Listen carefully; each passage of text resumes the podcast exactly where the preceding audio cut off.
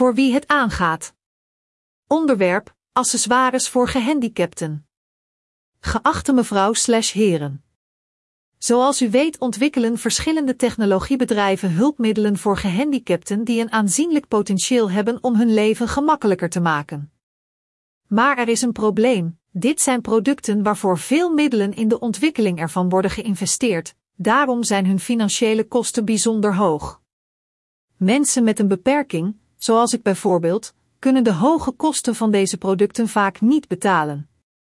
Daarom verzoek ik iedereen die creatieve ideeën heeft om het probleem op te lossen, mij hierover te schrijven. Hartelijke groeten. Asaf Beniamini